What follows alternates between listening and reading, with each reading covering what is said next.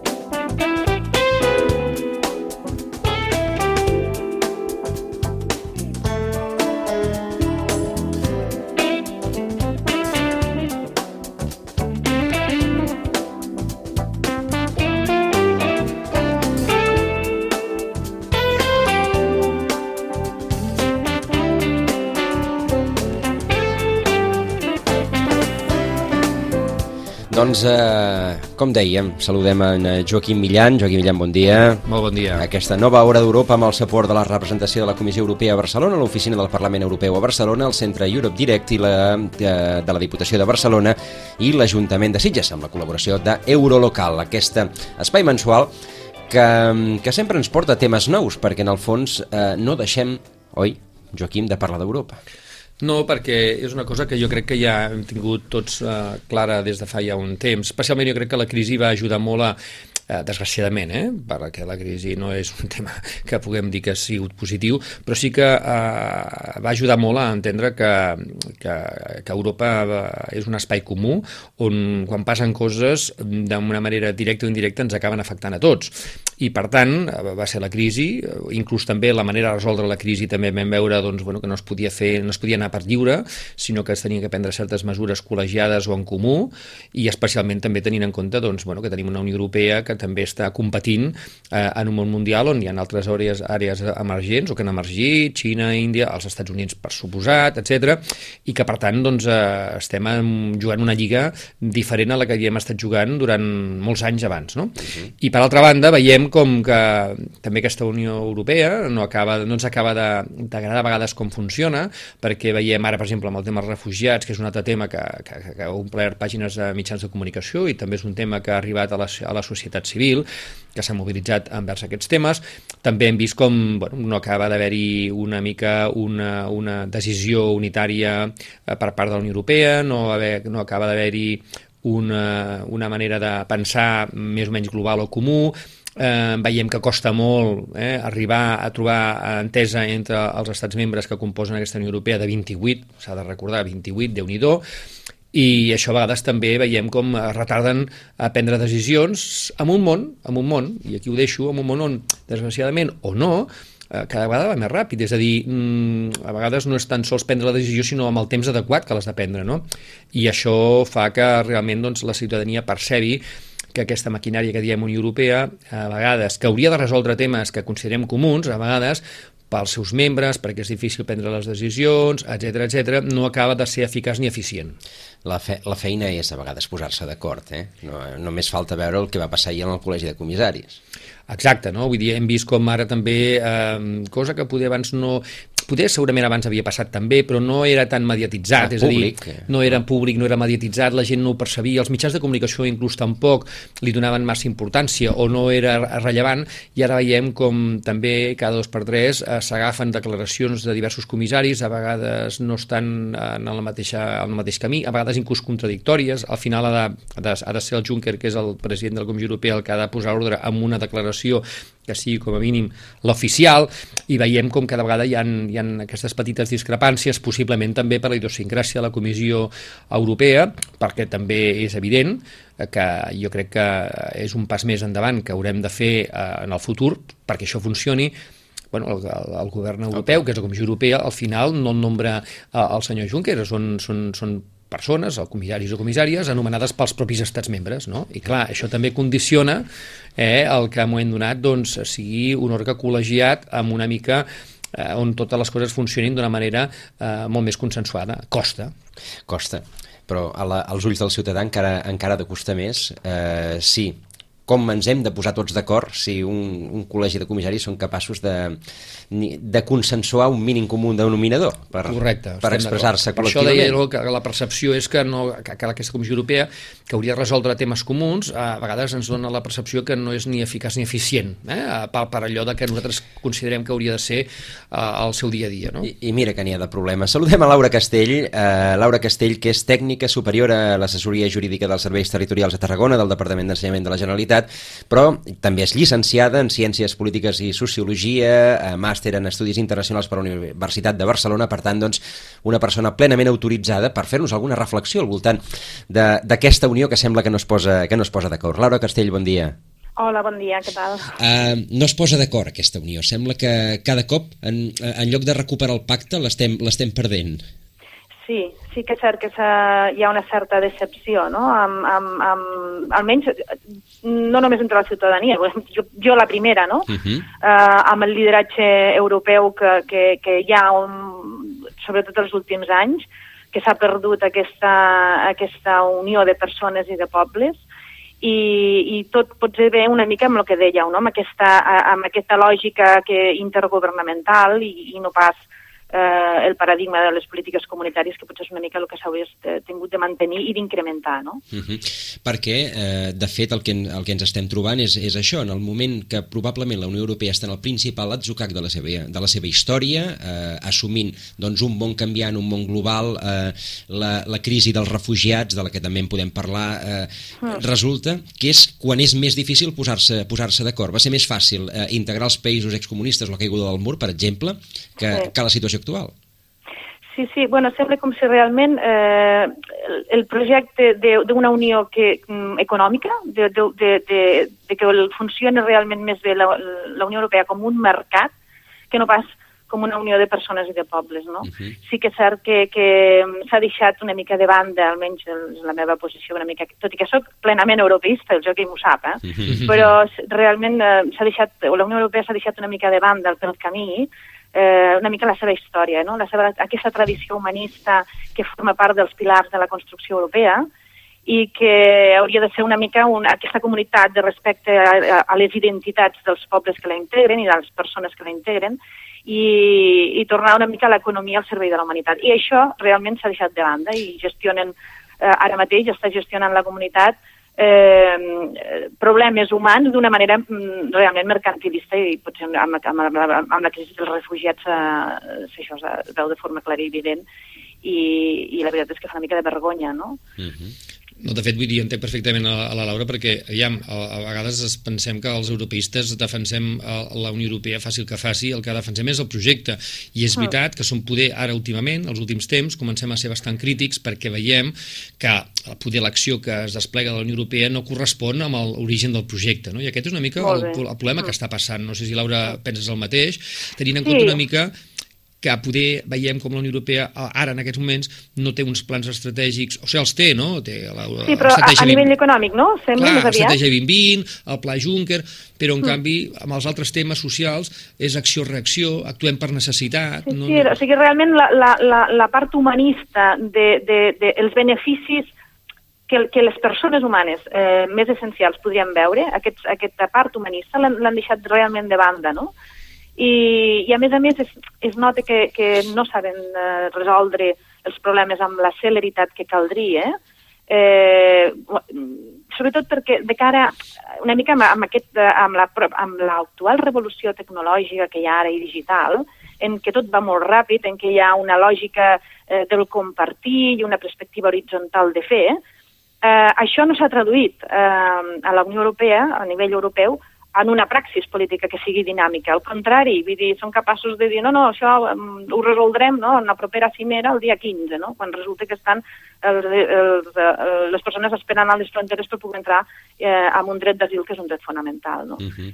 Però... Llavors aquí doncs, hi ha com, una, com un, un, una mena de gap entre, entre la dinàmica de la societat actual i la dinàmica institucional. Uh -huh. uh, perquè, de fet, uh, Europa sempre ha anat una miqueta coixa per fer una veu única uh, a l'exterior, uh I, i, això, sí. i això sempre, sempre ha passat, malgrat que doncs, en els darrers anys es va instituir una, una figura d'un representant, d'un alt representant eh, per la política exterior europea, però eh, això, Realment, a, a, aquest, aquest factor ja l'havia assumit històricament als Estats Units en representació del món occidental i Europa ja, ja li havia anat bé, però en Sí. canvi Europa representava uns valors. I ara resulta Sí. que ni aquests valors Ni aquests valors, exacte. Vull dir, amb, amb, amb, la crisi doncs, aquests valors han desaparegut. És un llençol que han perdut eh, pel camí, que realment és la base i que potser dona una mica de sentit a tot això, perquè per ser un mercat ja podríem fer un tractat internacional doncs, de lliure comerç i s'ha acabat, no? Eh, Que és el que hem fet eh, precisament a Asia Pacífic ara mateix, Molt bé. Sí. aquesta, aquesta setmana. Maneres, jo també penso que mm, a vegades desconeixem molt el que fa la Unió Europea, segurament fa coses que són molt interessants, però jo segueixo pensant que no es comunica suficientment bé i després la percepció, que també és a vegades al final entre la realitat i la percepció, el que compta és la percepció. Si la gent té la percepció que la Unió Europea no és eficaç ni eficient, eh, tu ja pots fer coses, eh, la gent pensarà que no ho és, no? També és normal això, eh? perquè clar, Clar. aquí són, a través de qui arriba la veu d'Europa? A través Correcte. dels governs. I els Dels governs, governs. clar, quan tot va bé, el govern s'apunta la medalla i quan tot va malament és Europa qui ens ho obliga a, a, doncs, a retallar o a... És a dir, clar, llavors Europa doncs, es veu mediatitzada també, eh? no, no té una veu directa en aquest aspecte, bueno, sí que la té, però doncs, eh, al fi i al cap acaba passant pels filtres de la política nacional. No? O inclús ara mateix hem tingut, ara les últimes 24-48 hores, un exemple clar del tema com eh, es manipula, o es manipula, aviam. Tothom intenta apu- apuntar-se al tanto, a, a, a, especialment dins a, a, a l'àmbit dels mitjans de comunicació, com a, comuni, com a fil conductor de la comunicació envers la societat. Ho hem vist quan un comissari diu ojo, estem parlant del 2016, pensem que després de les eleccions eh, Espanya haurà de pujar la càrrega impositiva, per tant, haurà de pujar impostos, i Sí. automàticament l'han desmentit, no, perquè tal, perquè qual, ah, home, tenim unes eleccions dintre de, de, de dos mesos i escaig, doncs no ens, facis, no ens diguis això ara als mitjans, no?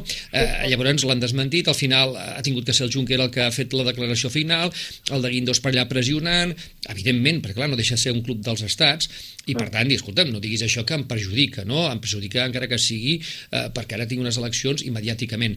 Per tant, veiem com, eh, clar, el que, el que al final els membres de, de, de, de, els, els membres d'aquesta Unió Europea siguin, ja no tan sols els estats, sinó la Laura ha dit molt bé, els governs dels estats, que vol dir que tenen uns interessos particulars, cada govern té el seu, perquè té unes eleccions que són les que els interessa guanyar, que són les seves, i a més a més amb uns accents i amb unes problemàtiques internes molt diferents, hi ha governs a més de Sí. coalició, etc. Això es complica molt. Clar, les dinàmiques internes influencien completament.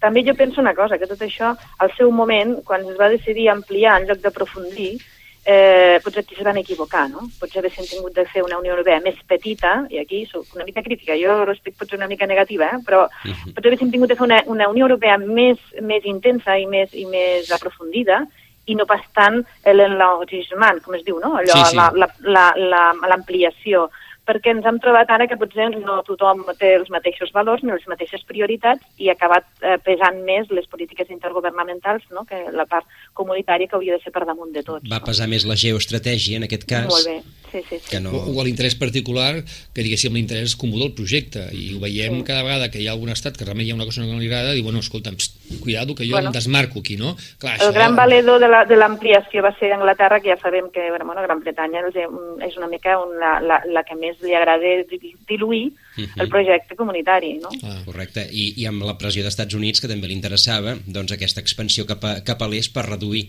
eh, les ales amb, a, a, a Rússia, que, Sí. que de fet era l'objectiu. Sí, sí, Allò tan casolà que quan no vols resoldre un tema dius fem una comissió de treball, no? Sí, Sí, ja aleshores comencem ho a estudiar. Sí. Però, però clar, tot plegat, tot això que estem parlant fa que, doncs, aquí fa 15 dies vam tenir unes eleccions, hi ha una, for una formació eh, de les que va entrar al Parlament que obertament es declara mm, no antieuropeista, però sí anti l'actual Unió Europea i, per tant, doncs, eh, que propugna fins i tot la sortida d'aquesta Unió Europea a, a, a nivell parlamentari. Això, mm, cosa que mai fins ara s'havia plantejat. Hmm. Bueno, no sé, mm, jo lo que, a, a mi lo que de les últimes eleccions, a, sobretot al, a, a nivell català estem parlant, sí, no? correcte. Um, a mi el que me xocava moltíssim és que ens deien que ens enviarien a la, als, los, per los siglos de los siglos amén en, a, a, vagando por los espacios siderales, no? Uh -huh. I aquí, doncs, jo hi, hi discrepo totalment. Jo, humilment, vaig trobar nou arguments suficientment de, de pes per poder dir que Catalunya no només no serà expulsada, sinó que, a més a més, modificarà l'estatus quo de la Unió provocant la seva ampliació interna. Eh, si vols, faig un petit eh, doncs, eh, repàs amb aquests nou arguments. Endavant, Sí, Laura. Sí? Mhm. Doncs, bueno, en primer argument, primer perquè som 7 milions de catalans, que som ciutadans europeus i ja des del Tractat de Maastricht gaudim des de les quatre llibertats, no? des de la circulació de persones capitals, mercaderies i serveis.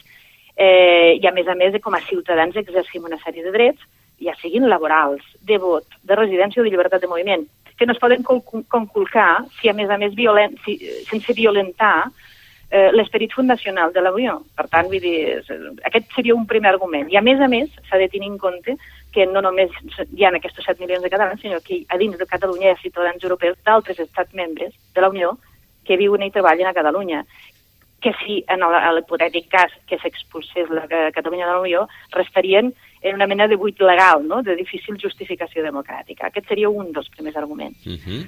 El segon argument seria que des de 1986 Catalunya compleix el cabal comunitari, és a dir, que fa, ara farà 30 anys que, que estem complint els tractats fundacionals i la resta de legislació derivada i, per tant, no necessitaríem en cap moment ni fer transició, ni cap acord de, o preacord d'adhesió, ni res de res.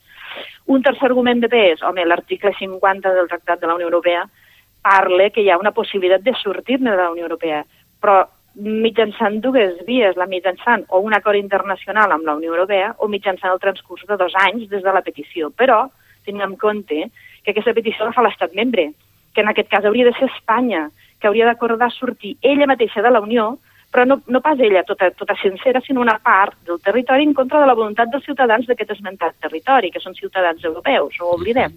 És a dir, que no existeix realment un procediment d'expulsió, pròpiament dit, sinó que és un, un procediment per entendre'ns de retirada, que és, el, que és una mica el que està intentant portar a terme Cameron Mhm. eh, mitjançant un referèndum. Eh, per tant, aquesta expulsió aniria en contra de l'esperit també dels tractats i violentaria els tractats. No? M'aturo aquí un moment, eh, un moment Laura. Som, Mm. som eh, membres de la Unió Europea en tant que membres eh, o ciutadans de l'estat espanyol o som membres de la Unió Europea en tant que simplement ciutadans? Aquesta pregunta algú la va Jo- fallar, no? no, A- a- molt- molt bé, de ràdio. Jo entenc, no, no, jo entenc que des, dels, dos, dels dos vessants, perquè per un cantó, si has, has vist, som, som ciutadans. Però per l'altre hi ha un altre argument que et diré que, que serà l'últim, no? que és el, el, el que som ciutadans catalans en, i també som, malgrat alguns ens pesi, i per imperatiu legal, ciutadans espanyols. I per aquest motiu ciutadans europeus. I tal com diu l'article 11, aquell que deia el senyor Rajoy i la europea què, no? Mhm. doncs assenyala que cap, aquest, aquest article 11 de la Constitució espanyola, aquesta sacrosanta Constitució, diu que cap espanyol d'origen, cap, podrà ser privat de la seva nacionalitat. Que és el que li va recordar el periodista. catalans. Correcte. Mhm. Que en ell no És a dir, seria, mentre no no hi hagi... Correcte, no, mentre no hi hagi una renúncia per part nostra, ells no ens poden eh, condemnar a la patrídia, per perquè això els tractats internacionals precisament ho protegeixen molt, però clar, no es pot tenir el, a cap ciutadà sense cap estat que el pugui protegir. Mhm. És un dret fonamental, per tant, vull dir, a més, a part que podríem concertar amb Espanya, no?, un tractat de doble nacional, de doble nacionalitat. Correcte. La, ara, ara continuem repassant els arguments, Laura, però eh, eh, bàsicament la, la qüestió, entenem que és una qüestió jurídica, però en el fons és la qüestió jurídica de pes que, eh, que fa decantar la balança. És a dir, eh, si el concepte dels drets de pertinença a, la, a Europa eh, ve, de, ve derivada del fet de ser un ciutadà que ja és membre de la Unió Europea o ve derivada de ser un ciutadà d'un estat membre, que diguem que el Bueno, matís que, és important. És que tenim les dues proteccions, jo en- entenc, eh? sí, sí, Per- sí. Per, personalment soc d'aquest pare que tenim aquesta protecció per una part perquè som ciutadans eh, d'un estat membre, ara mateix, Sí? Eh, a més a més, eh, hi ha l'altra perspectiva, que seria una mica la, la, de la, la de la Convenció de Viena, de, de, de, amb, el, amb el sentit mm, de que eh, ens, ens protegeix... Eh, eh, a veure, com ho podria explicar? Perquè també som subjectes, és a dir, els articles 30, 34 i 35, me sembla que són, de la Convenció de Viena, estableixen el principi de la continuïtat en l'aplicació dels acords subscrits i la dissolució d'un estat, és a dir, Espanya no té per què suposar la interrupció dels drets i les obligacions, Mhm. perdoneu, ja, sona el telèfon, eh, eh, dels nous estats o dels, o, o dels seus ciutadans. Parla de ciutadans. I aquesta referència als ciutadans, i per tant a drets individuals, demostra que no només els estats són subjectes de dret internacional.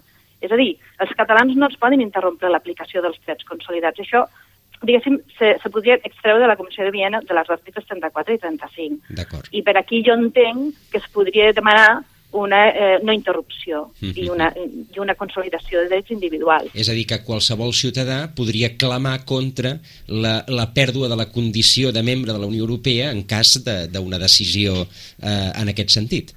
Sí, és que a més a més, aquesta convenció de Viena, uh Mhm. -huh. eh, que, de 1978 de successió d'estats, eh, que bueno, parla de que la successió és la, bueno, és la substitució, de les responsabilitats en relacions internacionals, etc. No? Eh, I es, es tractaria una mica de manifestar aquesta voluntat de seguir complint aquests acords. Uh Mhm. -huh. eh, I la Cort d'Arbitratge Europea podia fer una mica l'en- l'encarregada de determinar drets eh, i deures dels repartiments que s'haurien de- de- d'establir de, entre les diferents entitats territorials que, que succeeixin a la que seria l'actual Espanya, no? Mhm. Doncs anàvem repassant, anàvem repassant els arguments, Laura, que Sí, tenim... sí, però espera't un moment, que et volia acabar de dir. Aquesta Endavant. convenció, el Margallo ho va, ho va justificar dient que el debat aquell amb Junqueras a, Sí. a 8TV, que recordem, va dir que no, és que Espanya no l'ha ratificat, aquesta convenció, no? Però això no és un, no és un argument, perquè la no ratificació no minva la seva aplicació com a font de dret internacional constitucionari. De fet, a més a més, hi ha estats membres de la Unió Europea que sí que l'han ratificada, aquesta convenció. I per una qüestió de jerarquia normativa i tenint en compte que en la prelació de fons aplicables del dret internacional hi figuren els tractats i les normes de la Unió i del dret consuetudinari internacional, aquestes fonts estan per damunt de les lleis nacionals i constitucionals. Aquest també seria un altre argument, penso jo, no? Uh -huh. Doncs això, repassem, repassem ràpidament les... Uh, els bueno, jo us n'he dit uns quants, però Sí, bueno, sí. per exemple, un altre, un altre argument, home, Catalunya és seu d'or- d'organismes europeus i internacionals com la Unió Mhm. per la Mediterrània, per exemple, de la que forma part no només la Unió Europea, sinó altres estats, o de la Universitat de la ONU, Mhm. o que dius, bueno, i llavors aquests, si expulsessin a Catalunya, doncs que, de, de la Unió Europea, aquests organismes estarien en terra no europea, s'entén políticament parlant, no? Uh -huh. Un altre argument, eh, i de molt de pes, penso jo, no? que la lògica europea és integradora. Eh, estra... Hi ha necessitat de mantenir l'estabilitat en el si de la Unió Europea i la permanència i el valor d'aquests drets fonamentals que parlàvem de les persones i de la democràcia com a principi d'actuació fundacional. Uh. -huh. Això és una d'aquestos llençols que sembla que s'han anat perdent no? Aquí, pel camí. a- exacte, aquí, aquí vindríem, aquest, Mm. aquests valors que sembla que ja no... Aquest argument potser seria el més fluixet de tots ara mateix. Són fluixets, però, però, però No, perquè s'han eh? oblidat, però Ah, realment exacte. és aquesta lògica hauria de, de, de una mica d'atravessar totes les polítiques i totes les orientacions i totes les estratègies de, de la Unió Europea, que no és així, però hauria de ser, no? I la manera de gestionar doncs, problemes com els dels, eh, dels, dels asilats, de, dels demandants d'asil, no? Uh -huh. Um, està clar que si cau Catalunya, cau Europa i cau la seva simbologia i la seva legitimitat, perquè des del moment que això passés és que seria inaudit que expulsessin a Catalunya per posar les urnes i demanar un, i fer un, complir un mandat eh, democràtic dels seus ciutadans, que seria un, un, un, una cosa estranya, no? Eh, després, un altre argument, home, Catalunya compleix des de, fet, des de, com hem dit, més de 30 anys, els requisits d'adhesió que s'exigeixen als tercers estats. Eh, per exemple, respecte a les llibertats, la democràcia, l'estat de dret, els drets humans, i a més a més gaudeix d'una economia de mercat. Um, que a més a més és una economia estratègica per al sud d'Europa, entenc jo. Eh, I és més, Catalunya forma part de l'eurozona i de l'espai Schengen i, per tant, acompleix eh, els fins de la Unió Econòmica i Monetària. Un altre argument doncs, eh, que també pot ser, penso jo, de pes, eh, que s'ha de tenir en compte que el modus operandi de la Unió sempre és el pragmatisme. I l'antecedent alemany és un exemple paradigmàtic d'ampliació interna sense adhesió, on 16 milions de persones, 16 milions estem parlant, eh, no sé, 16, de la República Democràtica Alemanya al 90, el 1990, varen incorporar-se sense procediment formal d'admissió, amb un procediment simplificat i sense possibilitat de veto per, de veto per part de cap estat. Qui ens, ho va, qui ens ho hauria de dir? Entre ells Angela Merkel. Clar, molt bé. Angela Merkel era de la República Democràtica Alemana i gràcies Quins- a aquest procediment ad hoc, aquesta senyora és consellera alemana i, i, i remena les cireres si de la Unió. Correcte. Llavors el cas català, en aquest cas, seria un mirall, una mena de reflex del cas alemany, un procediment d'adhesió sense ampliació de la Unió Europea. Mhm. Europa quedaria igual en el que seria nombre d'estats ai, nombre d'habitants i de superfície, però variaria el nombre d'estats. Uh -huh. Per tant, què s'hauria de modificar? La representativitat en els òrgans i organismes. Seria un, una, qüestió, una qüestió de repartiment de quotes eh, doncs, dels representants al Parlament, del nombre de vots que tindríem al Consell de Ministres, eh, de la contribució que faríem al pressupost comunitari, aquesta última qüestió força important, doncs no crec que deixin marxar una portadonet al pressupost comunitari uh -huh. en, en els moments actuals, no? I una doncs... altra cosa, potser final, ja finalment, per no deixar ja d'estabornida la, a la gent que ens escolta, doncs eh, ens hauríem de preguntar qui ens faria fora. Rajoy, Cameron, Merkel, el Tribunal de Justícia, el Parlament Europeu... Sota quina normativa empararien aquesta decisió?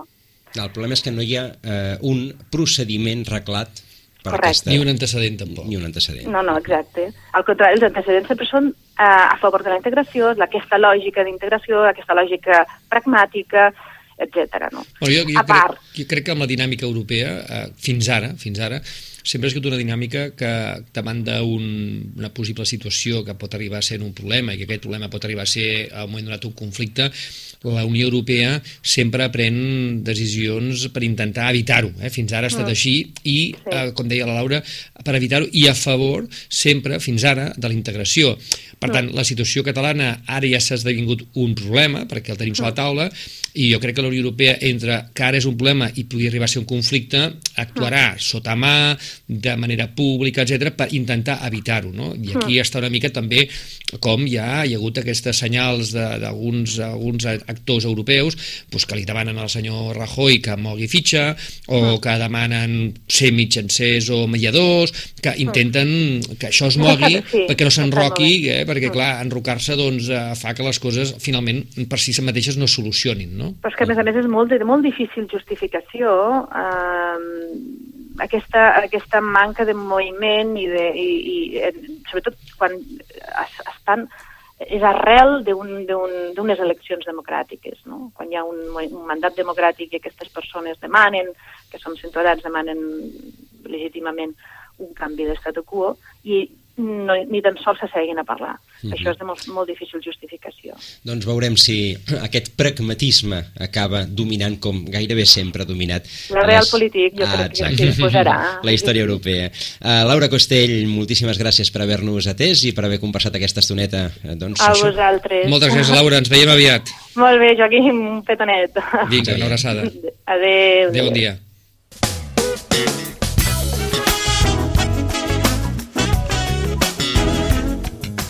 Doncs bé, eh, interessant aquesta, aquesta reflexió.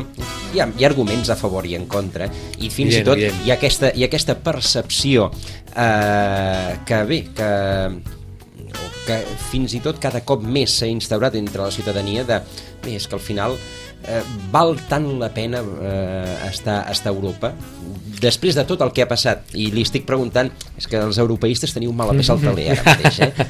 No, però jo crec que, ja, intentant ser objectius, doncs en el moment que, la, en el moment que aquesta situació s'ha internacionalitzat i, i, i bàsicament l'ha internacionalitzat el govern espanyol quan ha fet que mm, persones com el senyor Obama, la Merkel, el Cameron, el Sarkozy hagi vingut aquí inclús en campanya, etc.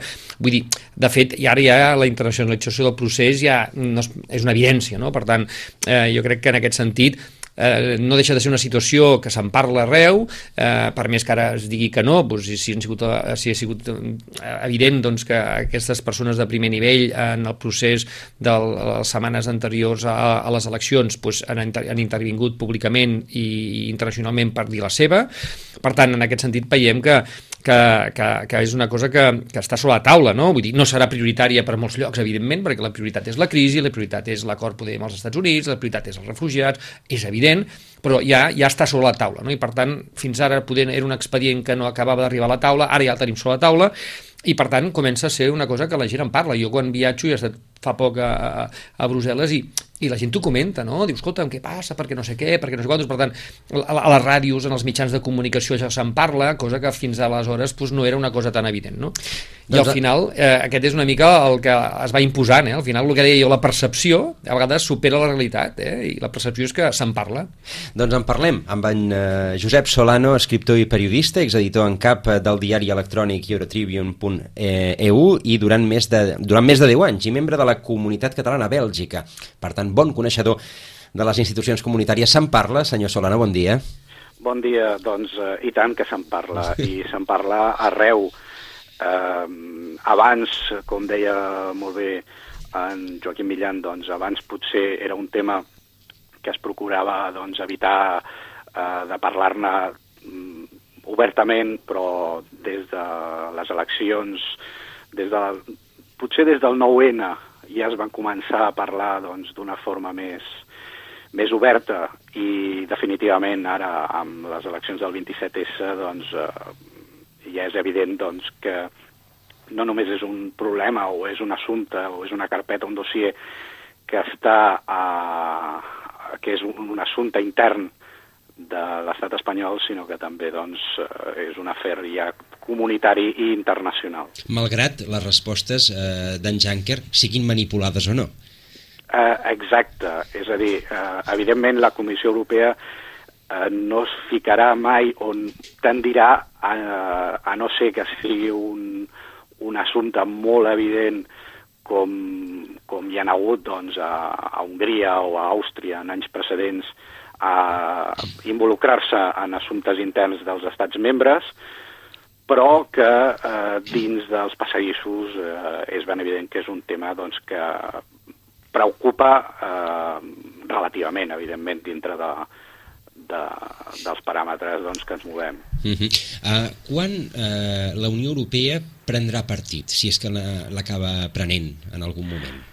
Doncs la Unió Europea prendrà partit quan uh, les institucions catalanes uh, realment, doncs ara uh, s'hagi de fer doncs, uh, un pacte de govern o un acord d'estabilitat entre el guanyador de les eleccions uh, catalanes, Junts pel Sí, i presumiblement doncs, la CUP, eh, i comenci doncs, el, el que es coneix com el full de ruta. I és a dir, doncs, eh, un dels primers passos del full de ruta és aquesta... Eh, és una declaració formal, si no vaig errat, és una declaració d'intencions de la constitució d'un nou estat. I aquesta declaració d'intencions diu que aquest estat hauria d'estar dintre les institucions europees però clar, eh, haurem de veure doncs, quina serà la reacció aleshores de les institucions.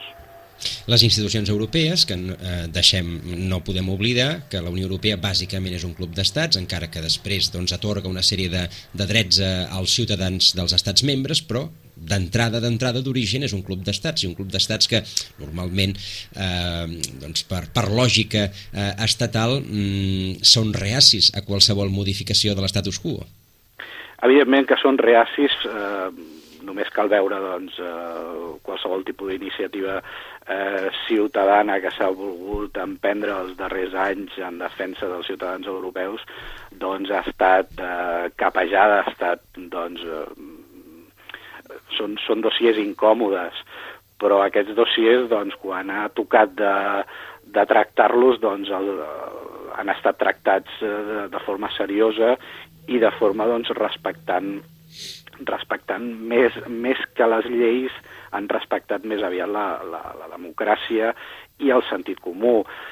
Parlem, per exemple, doncs, de, de la unificació alemanya, eh, que va ser doncs, un, un, una, una, uh, una ampliació encoberta, per entendre'ns, i si recordem bé, doncs, uh, eh, França i Anglaterra, el Regne Unit, perdó, estaven molt, molt en contra d'aquesta... va ser el cas, el cas al revés, eh? una ampliació sí. de territori i ciutadania per un estat sí. que, que l'assumia, no? Vull dir, sí, sí, sí. Que, que era Alemanya, no? Dir, si hagués estat un altre estat, això no s'hagués produït, però Alemanya va dir, escolta'm, això es fa i es farà, no? Sí, és, eh, opten sempre pel pragmatisme, eh, les institucions europees, i que no pas per, per eh, la imposició de la, de, de la llei fora de les fronteres de la Unió Europea, quan va haver-hi, doncs, per exemple, el referèndum de Montenegro, doncs, eh, evidentment, eh, doncs van, haver, van respectar tothom les, les, eh, la voluntat popular, i la voluntat popular es va expressar amb un referèndum que va organitzar eh, entre les institucions internacionals eh, per veure què, què és el que decidia aquesta república eh, sèrbia. Uh -huh. I al final doncs, van decidir eh, que doncs, s'independitzaven i no va haver-hi cap, cap problema. Tindria, tindria algun eh, aliat la, mm, els, els governants o les institucions catalanes a l'hora d'iniciar eh, aquest procés dintre d'aquest club d'estats?